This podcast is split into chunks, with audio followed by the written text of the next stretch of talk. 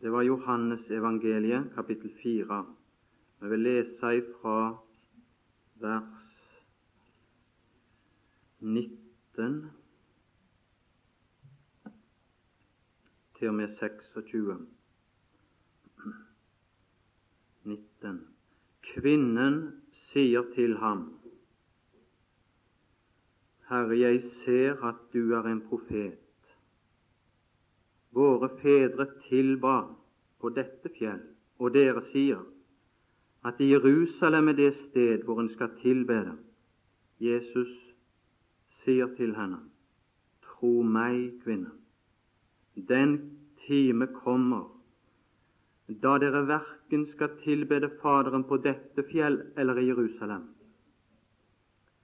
Dere tilbeder det dere ikke kjenner. Vi tilber det vi kjenner, for frelsen kommer fra jødene. Men den time kommer og er nå da de sanne tilbedere skal tilbede Faderen i ånd og sannhet. For det er sådanne tilbedere Faderen vil ha. Gud er ånd, og de som tilber Ham, bør Egentlig så skal det der stå må. Må tilbe i ånd og sannhet. Kvinnen sier til ham, Jeg vet at når Messias kommer, det er utlagt Kristus. Når Han kommer, skal Han forkynne oss alt. Jesus sier til henne, Det er meg, jeg som taler med deg. Den Herre Jesus hadde fått vekt hennes tørst. Det ser vi etter det 14. vers, der vi stanste sist. Men han måtte nå hennes samvittighet før han kunne lede henne inn i det som han hadde på hjertet å lede henne inn i. Han angra ikke sin godhet, selv om hun var sein til å fatte og forstå, og det kan være en trøst for oss.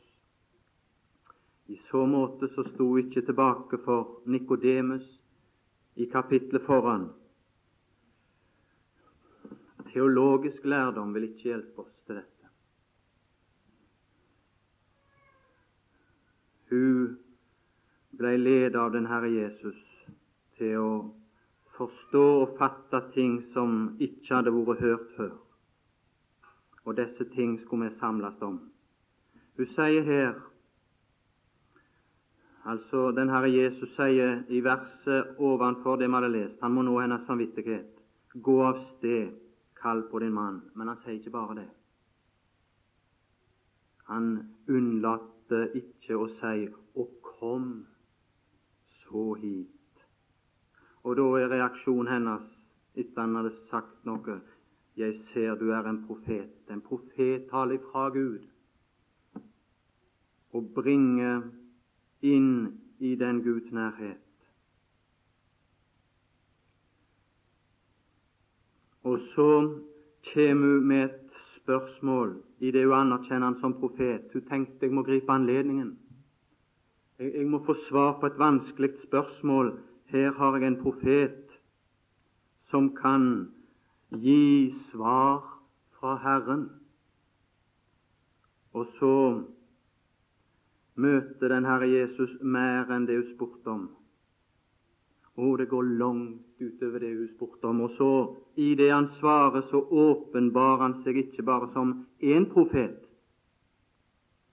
men som profeten, som du kan lese om i Johannes kapittel 1.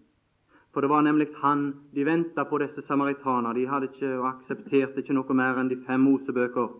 Og der sto det at det skulle komme en sånn som Moses, som skulle oppreises av Herren til å være profet. For alle de andre de var det med på et annet vis. Ingen som Moses. Han talte åsyn til åsyn med Herren og kunne gå nær til når folket sa vi kan ikke gå nær til. Gå du nær til, og så kommer du til oss og taler. Her kommer han. Vi ser det i de siste to versene av det vi leste. Her åpenbarer han seg som profeten, som kjente Herren åsyn til åsyn, og som ikke bare kunne tale om det han visste dere ifra sitt samfunn med Faderen, men kontrast han kunne dra oss inn der i det han åpenbarer Faderen som en som søker tilbedere, ikke på avstand, men i hans nærhet.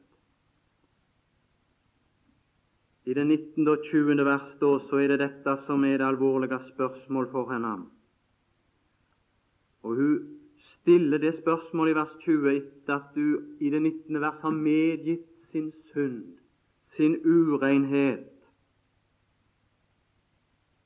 Men så har hun fått vakt en lyst i det han har talt om Gud som en giver av noe som virker så forlokkende og tiltrekkende. Og så fikk hun en trang til å være med Gud, og så var spørsmålet Den Gud som har talt i sin profet om at du har synd, den Gud, hvordan kan jeg nærme meg Han?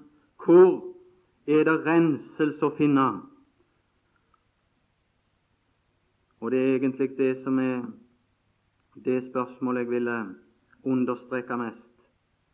Men bare noen få ting om dette med tilbedelsen, sånn at vi kan ha det klart for oss. Hvem er det som skal tilbes?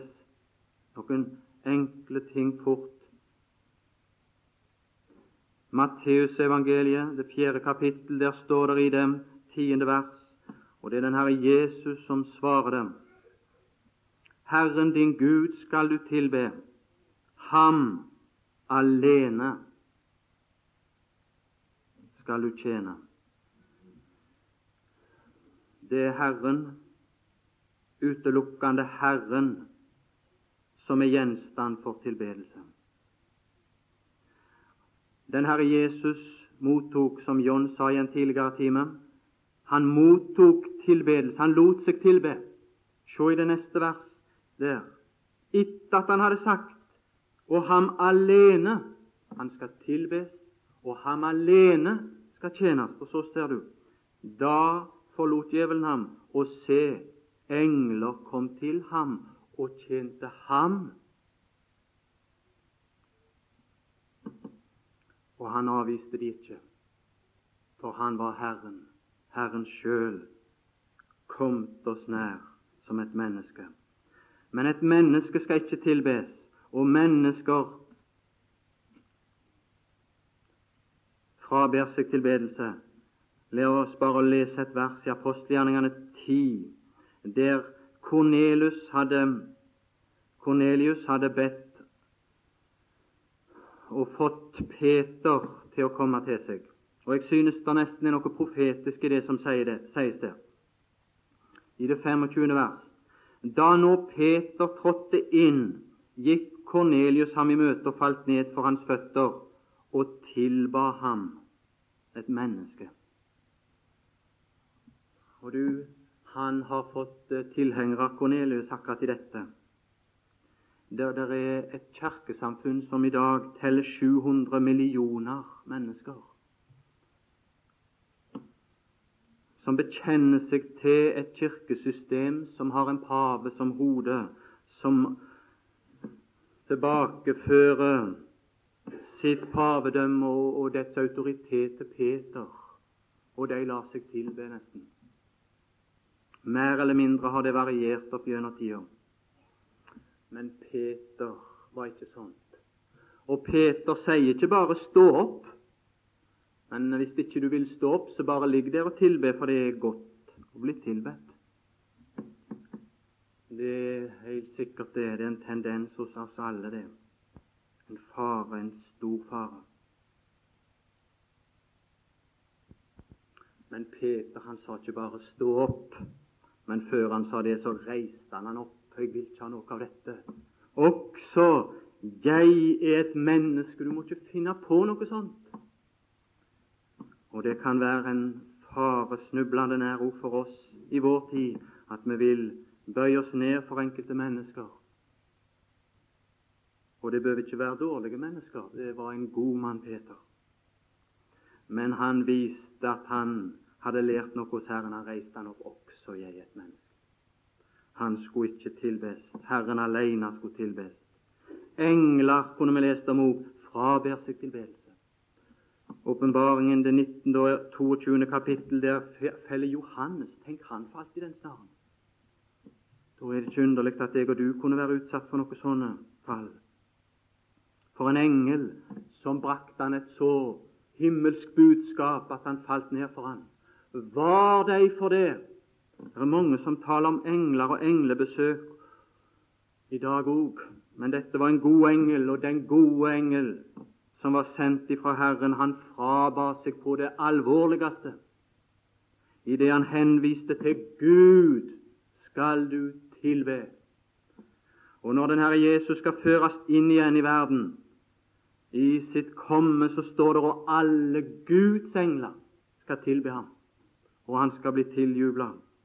Alle de høyeste åndsvesener skal ha funnet så mye i Han, skjønt de kjenner ikke det som jeg og du kan kjenne, som kan få leve denne nådens tid. Men de tiljubler Han. Men ikke, ikke alle. Alle Guds engler, men ikke alle. For det sto om denne djevelen idet han frista den Herre Jesus, prøvde den Herre Jesus, så, så ba han om å bli tilbedt. Det var det som var hans tale til den Herre Jesus. Du kan bare se i det niende verset i det samme kapittelet vi allerede leste fra Matteus 4. Alt dette vil jeg gi deg hvis du vil falle ned og tilbede meg. Og Jeg har prøvd å påvise at dette er antikristelige påvirkning som går imot et klimaks som vi lever oppi dette. Mennesket skal tilbes. Og djevelen bruker gjerne mennesker for oss sjøl å tilrive seg tilbedelse. Det går imot det. Hva slags karakter har denne tilbedelse som djevelen ønsker å ha på betingelse. Hvis du vil tilbe meg, så skal jeg gi deg. Du skal få noe, du skal oppnå noe ved å tilbe meg. Men den tilbedelse vi skal se og lese om i Johannes 4, den er totalt motsatt. For den tilbedelse er en tilbedelse av sånne som tilber fordi de er tilfredsstilt. Og det er nettopp den tilfredsstillelse i det de har kilden i seg, som er den kraft som kan gjøre at vi vender oss til Han i tilbedelse.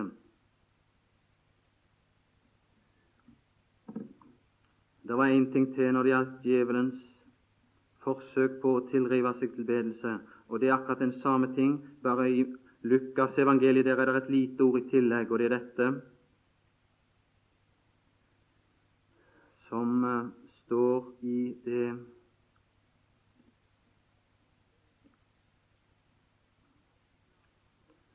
femte vers. Og djevelen førte ham opp på et høyt fjell og viste ham alle verdens riker. Og så kommer det et uttrykk 'i et øyeblikk'. Det skulle han få hvis han ville tilbe. Djevelen kunne i et øyeblikk vise det han hadde å gi. Men det vil ta en evighet for vår Gud. Og Derfor så vil tilbedelsen aldri opphøre i all evighet, for Gud skal aldri uttømme seg. Han skal aldri turke opp som ei kilde i evigheten i å gjøre kjent for oss og vise oss ikke noe vi skal få, men det Han har gitt oss og tilfredsstilt oss med her. Men Han skal vise oss det. Vi skal lære det å kjenne bedre. Vi skal nyte det enda mer, uten hindringer der. Og det skal ikke bli en sånn øyeblikksopplevelse som skal ende i en stor skuffelse. Evigheten skal ei bli for lang, og ham priser med sang.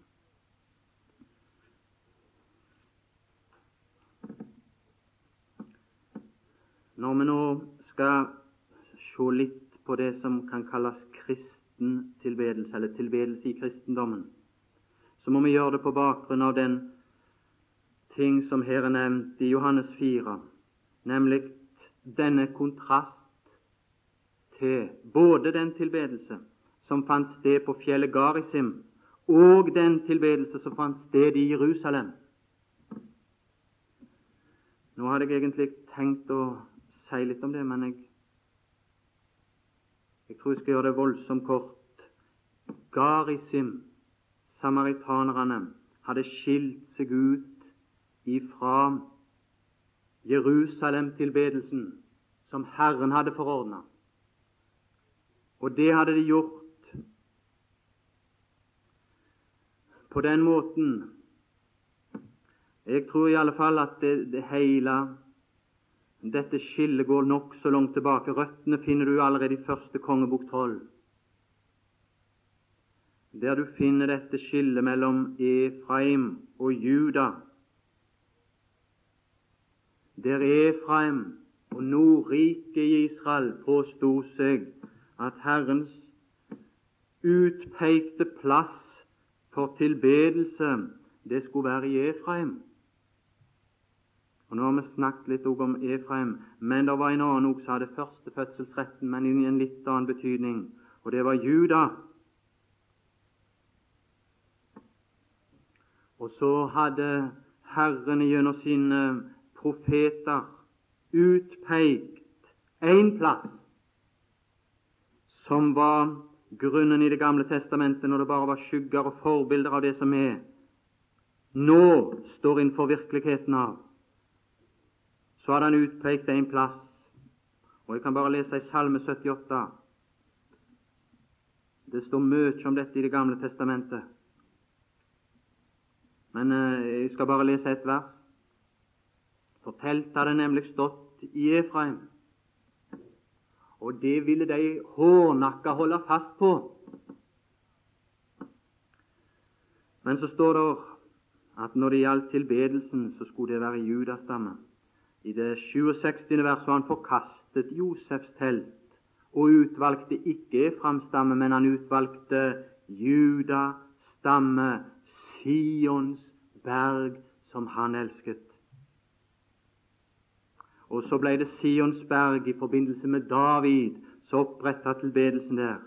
I en annen salme så står det ikke bare at Herren elsker Sion, men det står i Salme 132, det 13. vers, for Herren har utkåret Sion, har attrådde til sin bolig. Og, jeg, og du kunne gjerne spørre oss hvorfor har Herren attrådd og elska nettopp Sion, at det skulle være stedet der tilbedelsen skulle springe fram i den gamle tid, noe som også taler til oss som et forbilde. Jo, det, det ser vi i første krønikerbok, tror iallfall jeg, noe av det i dette som der står. Første krønikerbok, kapittel 3 Nei, det må være andre krønikerbok. Kapittel 3 og vers 1. Så bygde, begynte Salomo å bygge Herrens hus i Jerusalem på Moria-fjellet. Og Hvis det er noe forbilde i Det gamle testamentet som var så til de grader klart at liksom sløret var så tynt at du kunne liksom se at det måtte være noe mer bak enn akkurat Abraham og Isak når de gikk til Moriafjellet. Første Mosebok 22. Det tror jeg må være grunnvollen. Det er den utpekte plass. Det er den plass Herren elsker. det er den plass Herren uattrådde den åpenbarelse som kommer fram der i det forbildet i Første Mosebok, at Faderen gav sin sønn på den måten som dere beskrevet. Det er tilbedelsens grunn. Men nå vender vi oss til det som videre sies der i Johannes 4. Så har vi dette som bakgrunn og kontrasten. I det 22. verset kommer det at den Herre Jesus tar fram og stiller de opp mot hverandre, disse to, nå når han tilsidesetter begge to. Begge steder tilsidesettes, men de var ikke like av den grunn, for han sier der dere tilbeder det dere ikke kjenner. Vi tilbeder det vi kjenner, for frelsen kommer fra jødene. Det var ikke det samme. Selv om de nå tilsidesettes begge steder, så var det ikke det samme hvor de hadde tilbedt. Dere tilbeder det dere ikke kjenner, vi tilbeder det vi kjenner. Da står ikke Han vi kjenner. Det synes jeg er bemerkelsesverdig. Sjøl ikke blant jødene, for Herren var ikke kjent nok. I judaismen, i jødedommen, så var Gud skjult i mørket. Og veien, kunne vi si, inn i helligdommen, inn i Guds nærhet, der Herren var, den, den var ennå ikke åpenbart. Derfor så står det det. Det står ikke han, hvem, men bare det. Men nå, nå er, er det så vidunderlig for oss, dette, at vi vender oss ifra det. Og så skal vi få lære i Kristi kors å kjenne dette sånn, og det er kristendom, at synden er borttatt, og Gud er åpenbart. Og jeg kan i min ånd og i min samvittighet være så fri ifra å tenke på den i kraft av Kristi kors at jeg kan nyte Ham, Ham som er åpenbart.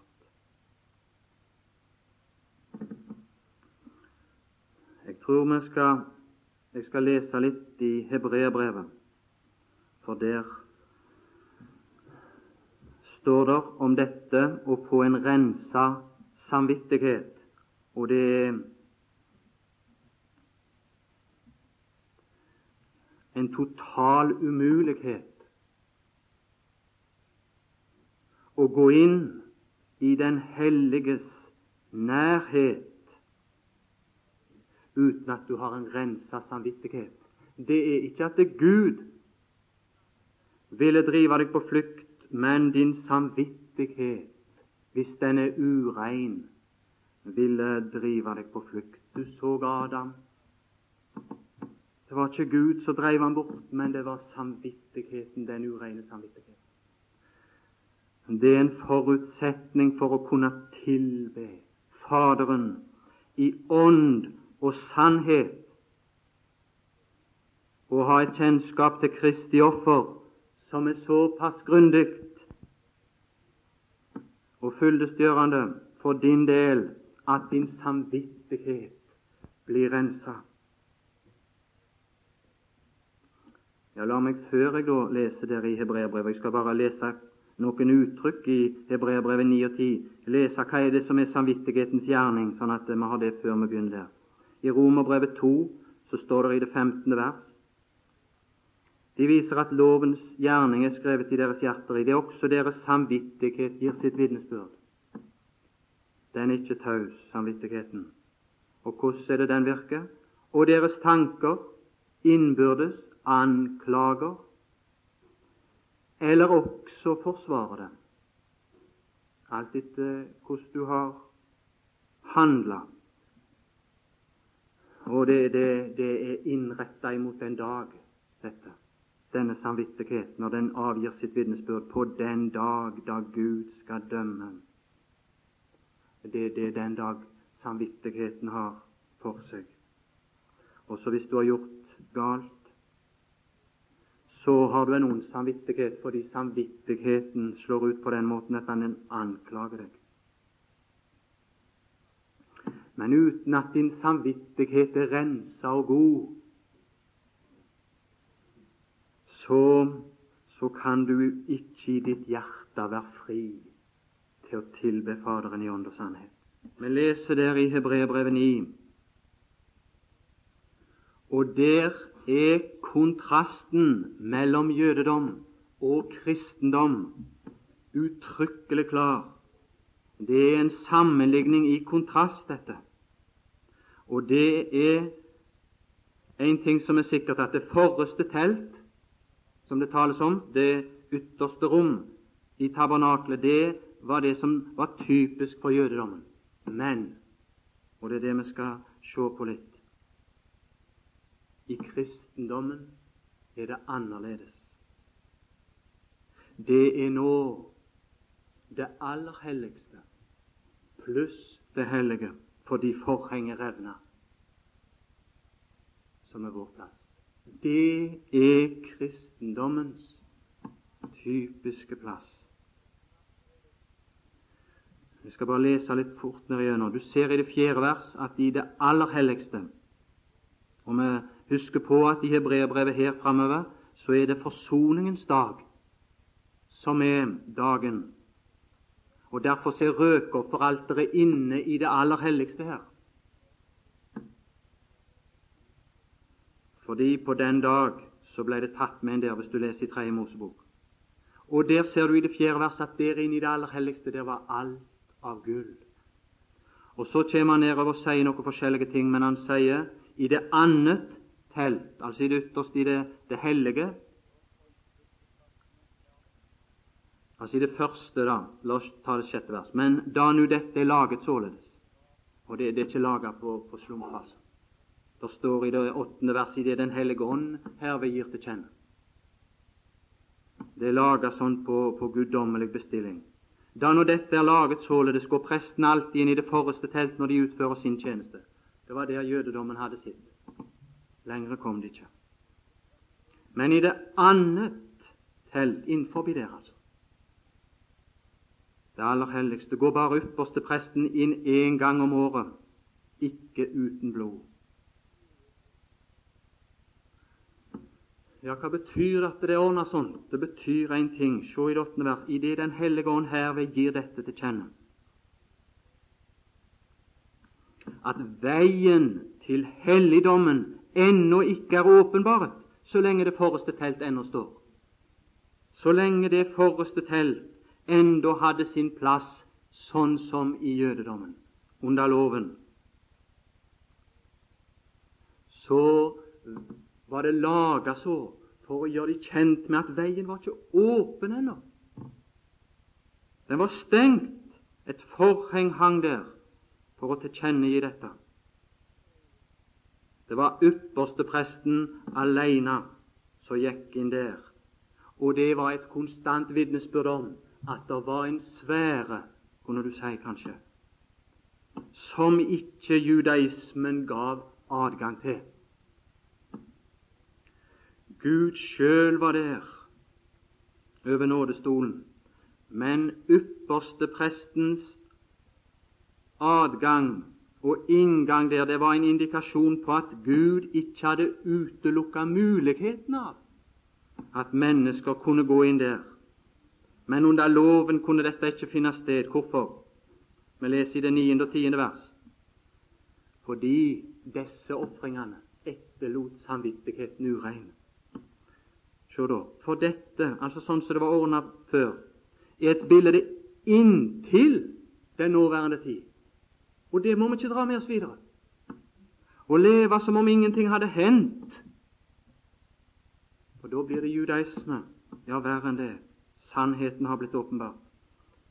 Inntil den uværende tid og svarende til dette bæres det da fram både gaver og slaktoffer, som dog ikke makter å gjøre den fullkommen etter samvittigheten som tjener Gud, men som bare, sammen med mat og drikke og all slags tvetning, er kjødelige forskrifter som ble pålagt inntil ei bestemt tid. I vers 12 så fortelles det om Kristus, og nå kommer forandringen. Og om Den hellige ånd kunne få lede oss inn i, i sammenhengen av disse kapitler her, så kunne det kanskje bli noe for Han som søker tilbedere. Ikke med blod av bukker og kalver, men med sitt eget blod.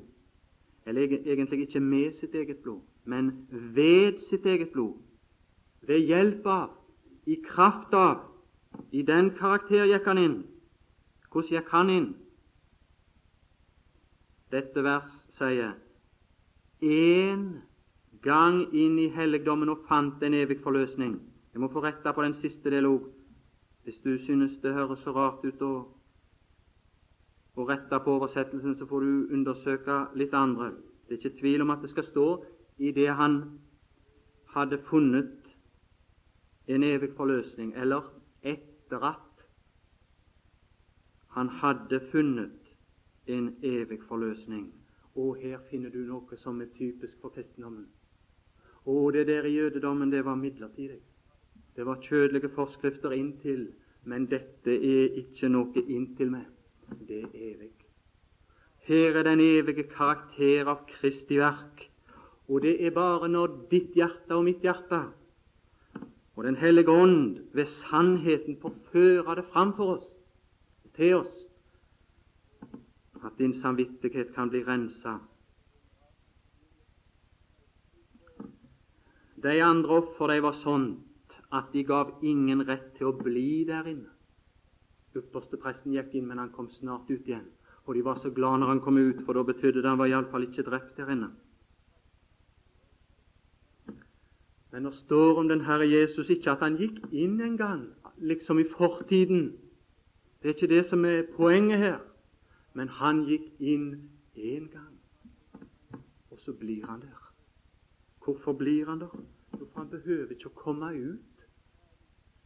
For det han fant før han gikk inn, det var ikke noe midlertidig som hadde behov for gjentagelse, men han fant det som har kristendommen hans karakter, det som var evig. Hans forløsning var evig. Se i det 14. vers, her i kapittel 9, hvor meget mere og at, at vårt hjerte kunne få tak på det, du som er ung, eller om du skulle være gammel, og at, at det var i forbildet på Moria at, at tilbedelsen skulle finne sted. Og det var den sannhet, så dyrebar og kostelig, om Kristi offerstorhet og verdi. Og meget mere skal da Kristi blod, Han som ved en evig ånd, evig ånd Det var så formelt å ytre alt det som hadde med jødedommen Men det som var i forbindelse med Kristus og hans ofring, det var ved en evig ånd. Det var ga karakter til offeret. Vi, vi spør gjerne et, et spørsmål.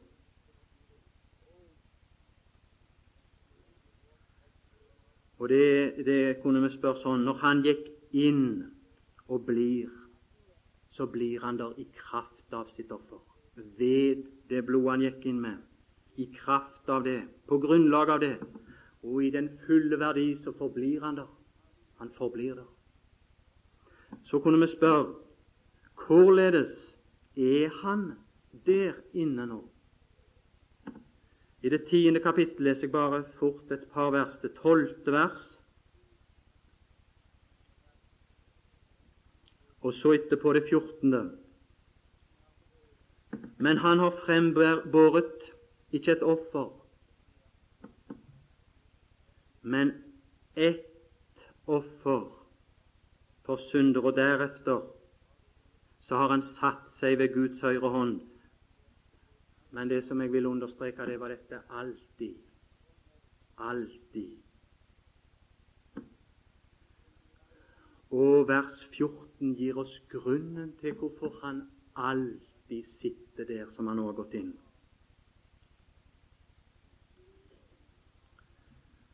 For Det er derfor han sitter alltid. For Var offeret fullkomment? Ja, offeret var fullkomment, men her er en grunn til at han alltid sitter, og det var denne. For med ett offer har han for alltid gjort dem fullkomne som blir hellige. De er blitt fullkomne nå etter samvittigheten. De som har lært å kjenne verdien av, betydningen av, sannheten om Kristi offer. Der sto alltid, både i vers 12 og vers 14 Og vers 14 er selvfølgelig avhengig av vers 12.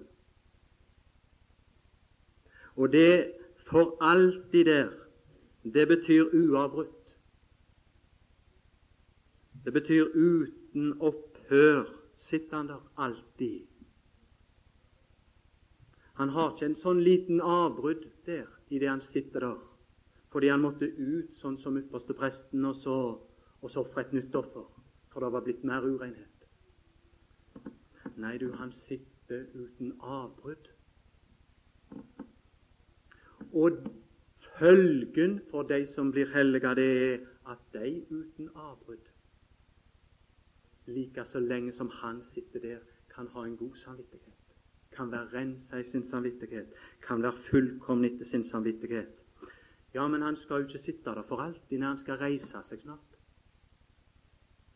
Ja vel, men da er Bibelen nøye med her i Hebreabrevet og gjør oss oppmerksom på at han, han kommer ikke ut for å ha noe mål for å gjøre, som om det var derfor han kom ut. Se i det niende kapittel og det 28. vers. Således skal òg Kristus etter være ofret én gang for å bortta mange synder, annen gang åpenbare seg uten synd. Ja, sier du, uten synd i sin egen person? Ja, sånt åpenbartes han òg første gang. Han åpenbartes uten synd første gang òg. Men det betyr vel noe mer. Dette det betyr uten å være Uten spørsmål om å være et syndoffer. Han har så fullkomment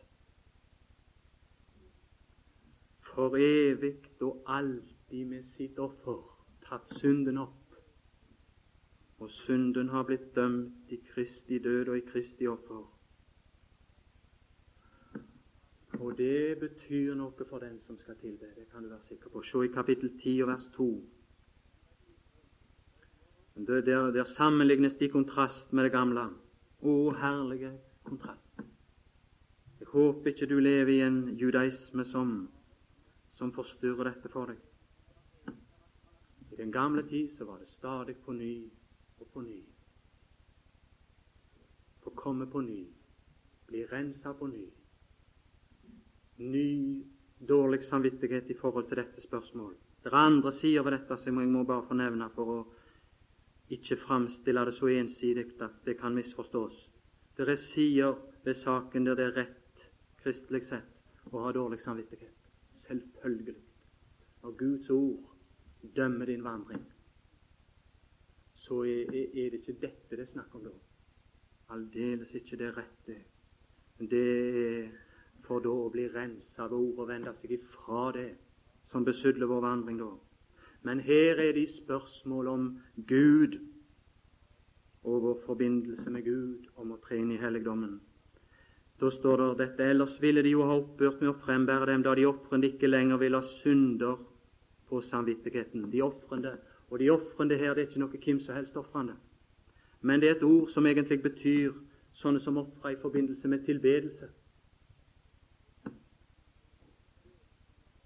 De tilbedende, da de tilbedende ikke lenger Ser du, det tar ikke bare opp spørsmål inntil det øyeblikk da du kom til troen, og så sier du det er godt, fortiden er ordna, spørsmål om fortiden er ordna, men det, det er ordna så grundig i Kristi offer, ellers kunne ingen hatt en fullkommen samvittighet. At det, det, det heter ikke lenger. Ja, hvor langt framover, da? For alltid, ifølge det 14. vers. Ja, er dette noe med da må gjentas? Er renselse ved blod i Guds ord noe som gjentas i en synders liv? Når de én gang Ikke en gang altså at de opplevde det i fortiden, disse, men én gang.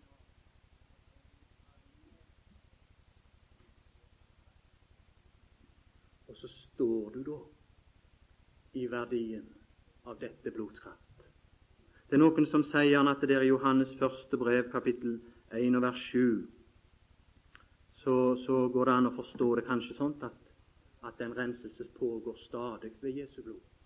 Men jeg vil i alle fall få si det sånn at det Johannes tar opp der, det er noe som er absolutt. Og det er ikke spørsmål om tid der.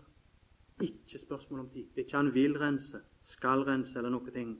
Men det er bare for å fortelle oss kraften i Jesu Guds Sønns blod, uten spørsmål om tid. Det har kraft til å rense fra all synd. Og den som kommer en gang i kontakt med den Herre Jesus og blir rensa, han forblir evig rein. Når han én gang er renset. Jeg skal gi deg et vers sånn at, av den Herre Jesus, sånn at du skal vite at dette ikke er mine meninger. Johannes 13, 10. Jesus sier til ham Peter reagerte først én vei. Så sier han, 'Du skal ikke vaske meg.' Og Så fikk Herren overtalt han om at han måtte få lov til det. Og så overreagerte han den andre veien. Og sånt, det, det er sånt vi Vi går enten i grøfter på den ene sida eller på den andre sida. Jesus sier til ham Den som er badet Og nå tenker jeg på dette bad i den sannhet vi har berørt. Har du bada ditt din ånd i den sannhet. Ja, så sant du er gjenfødt, så er det sant for deg altså om du tapte deg lei. Jeg er sikker på at ikke alle her som har det sånn i sin samvittighet, gjerne, at de alltid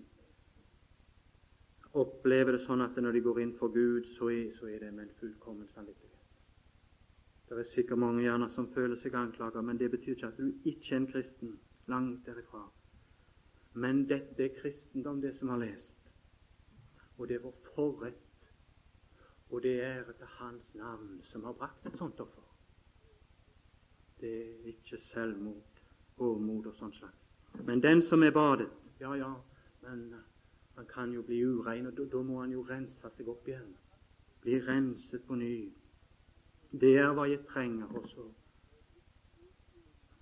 Sånn tenker vi gjerne. Sånt er egentlig judaisme. Det var sånt de hadde det i den gamle tiden.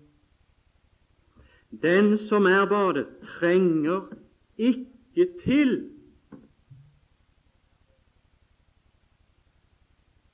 å bade seg på nye. Når han en gang er renset, så forblir han evig rein. Over det hele.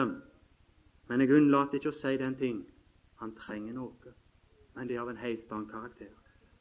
Han trenger at føttene blir vasket, og det er ikke ved blod, ifølge Bibelen, men det er ved vann til å rense vår vandring, til å dømme våre handlinger og våre gjerninger når vi vandrer her, og til å dømme det i lys av Kristi død.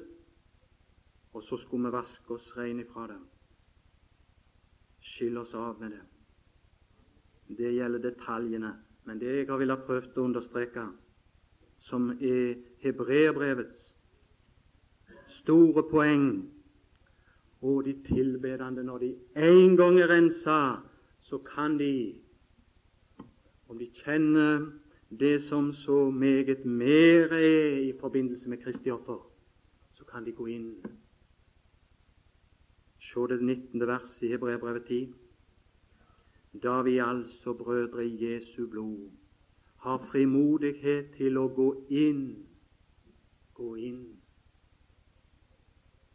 og Hvis du sammenholder dette med kapittel 13, så vil du se hva slags blod det spørsmålet om. For det var ikke det var ikke hva som helst blod i Det gamle testamentet som førte inn i det aller helligste.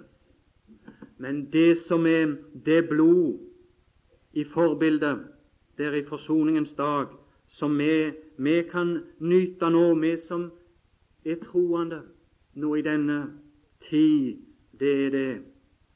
Det var den oksen som ble ofra for Aron og hans hus, ifølge hebreerbrevet nemlig. Så er vi å betrakte som den prestelige familie. Og så er det noe for Israel utenfor òg, men tenk du den nærmeste forbindelse. Og Om det kanskje går an å si sånn den største kraft av Kristi offer er det vår forrett å nyte. Hvorfor? Jo, for dette blod av dette offer, til forskjell fra mange av de andre, førte inn i helligdommen. Se i det tiende vers i Brevbrevet 13. Vi har et alter som de ikke har rett til å ete av, de som tjener et teltet. Og så fra vers 11 da, til og med vers 14 viser oss veien inn der. Hvordan har vi kommet inn der? Jo, det var han som led utenfor porten for å hellige oss, for å skille oss ut til å kunne gå inn der, til å ta oss med inn der i kraften av dette offer. Og så kommer vi inn der, og så er det dette 'la oss da ved ham'. Når vi er kommet inn der, så gjenstår det ikke noe å bringe annet enn at det er en umulighet om vi er der. Og hvis det ikke er lover for hvis det ikke er lever som lover Hans navn i vårt, i vårt liv, når vi i enkelhet hver for oss nærmer oss Guds trone, nærmer oss det aller helligste, om du vil, der herligheten bor. Hvis vi da ikke er fullt av lovprisning, så kan vi ikke gå der i vår erkjennelse og i vår ånd. Men hvis vi går der, så går vi der fordi vi har en rensa samvittighet, ellers vil vi holde oss borte derfra. Samvittigheten vår vil anklage oss og mene at det, det er ikke plassen for oss. Hvis vi har oppfatta noe av verdien av Kristi offer, så kan vi gå der, og da er det umulig annet enn at det må bli frukt av lever som lover Hans navn. Hvorfor er jeg der? Hvordan kan det ha seg at jeg kan gå inn der? I Jesu blod under dette forbildet av voksens kraft. Og Da ser vi i det 22. vers der i brevbrevet 10 hvordan kommer vi inn der. Så skal jeg stanse. Hvordan er vi når vi skal være der? Der er, står mye fint der som skulle kunne dra oss inn. Og der er, der er der er en ypperste prest der med en god gjerning og en vidunderlig hensikt å være der. Men så står det i 22. vers Så la oss trede fram med sandro hjerte i troens fulle visshet. For nå er vi så, kjenner vi oss ureine når vi kommer inn i helligdommen, der helligheten bor. Da kjenner vi oss ureine, at da, da er det godt å be å rense meg på ny. Nei. Det er ikke det du kom inn med der. Du kom inn for å tilbe i det du går inn i bevisstheten av hva Hans offer har brakt. Ikke for å bli rensa, men du kan gå der fordi du er rensa. La oss trede fram med sandro hjerte i troens fulle visshet, renset på hjertene fra en ond samvittighet så skal vi i morgen prøve å stanse for hva er det vi, hva er det vi gjør noe med det? Det er ikke om våre synder vi taler der.